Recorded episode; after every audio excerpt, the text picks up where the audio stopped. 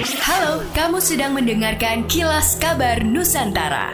Podcast persembahan KG Radio Network menyajikan berita harian yang mengangkat keunikan dari berbagai wilayah Indonesia. Kilas Kabar Nusantara dapat juga didukung oleh pengiklan loh. Dengarkan percakapan Wisnu Nugroho, jurnalis dan pemimpin redaksi Kompas.com dengan tokoh-tokoh yang menggulati hidup dengan gigih, serta kisah tentang pengalaman berkesadaran yang menggugah hati. Hanya di podcast Beginu, bukan begini, bukan begitu.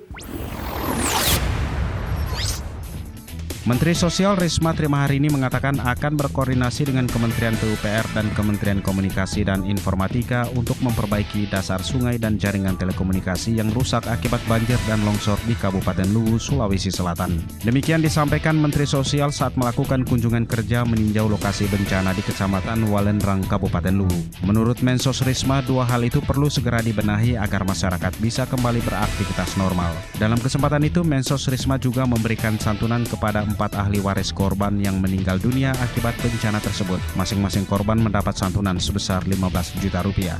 Dinas Sumber Daya Air DKI Jakarta memastikan masyarakat masih bisa menggunakan air tanah untuk saat ini.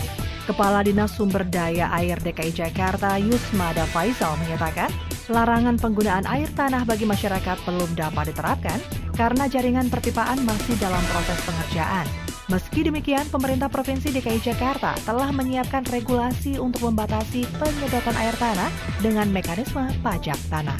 Kota Banjarmasin kini menjadi satu-satunya daerah di Kalimantan Selatan yang mengalami perpanjangan PPKM level 4 hingga 18 Oktober mendatang sesuai dengan hasil evaluasi Ketua Komite Penanganan COVID-19 dan Pemulihan Ekonomi Nasional KPCPEN Erlangga Hartarto untuk daerah luar Jawa dan Bali. Banjarmasin dinilai belum bisa mencapai target penurunan level, baik itu terkait vaksinasi, kenaikan positivity rate, dan testing yang terbatas.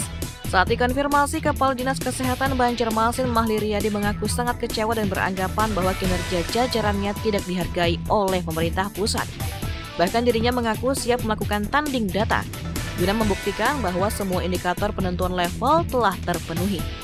Universitas Samratulangi Manado akan mengevaluasi anjuran pemerintah untuk melakukan perkuliahan tatap muka mengingat jumlah mahasiswa yang cukup besar. Wakil Rektor 1 Bidang Kemahasiswaan Universitas Samratulangi Manado, Grevo Gerung mengatakan, pihaknya masih melakukan survei mengenai jumlah mahasiswa yang sudah divaksin, kesiapan akomodasi atau tempat tinggal untuk mahasiswa di sekitar lokasi Unsrat, dan biaya yang harus dikeluarkan dari para mahasiswa yang berada di luar pulau.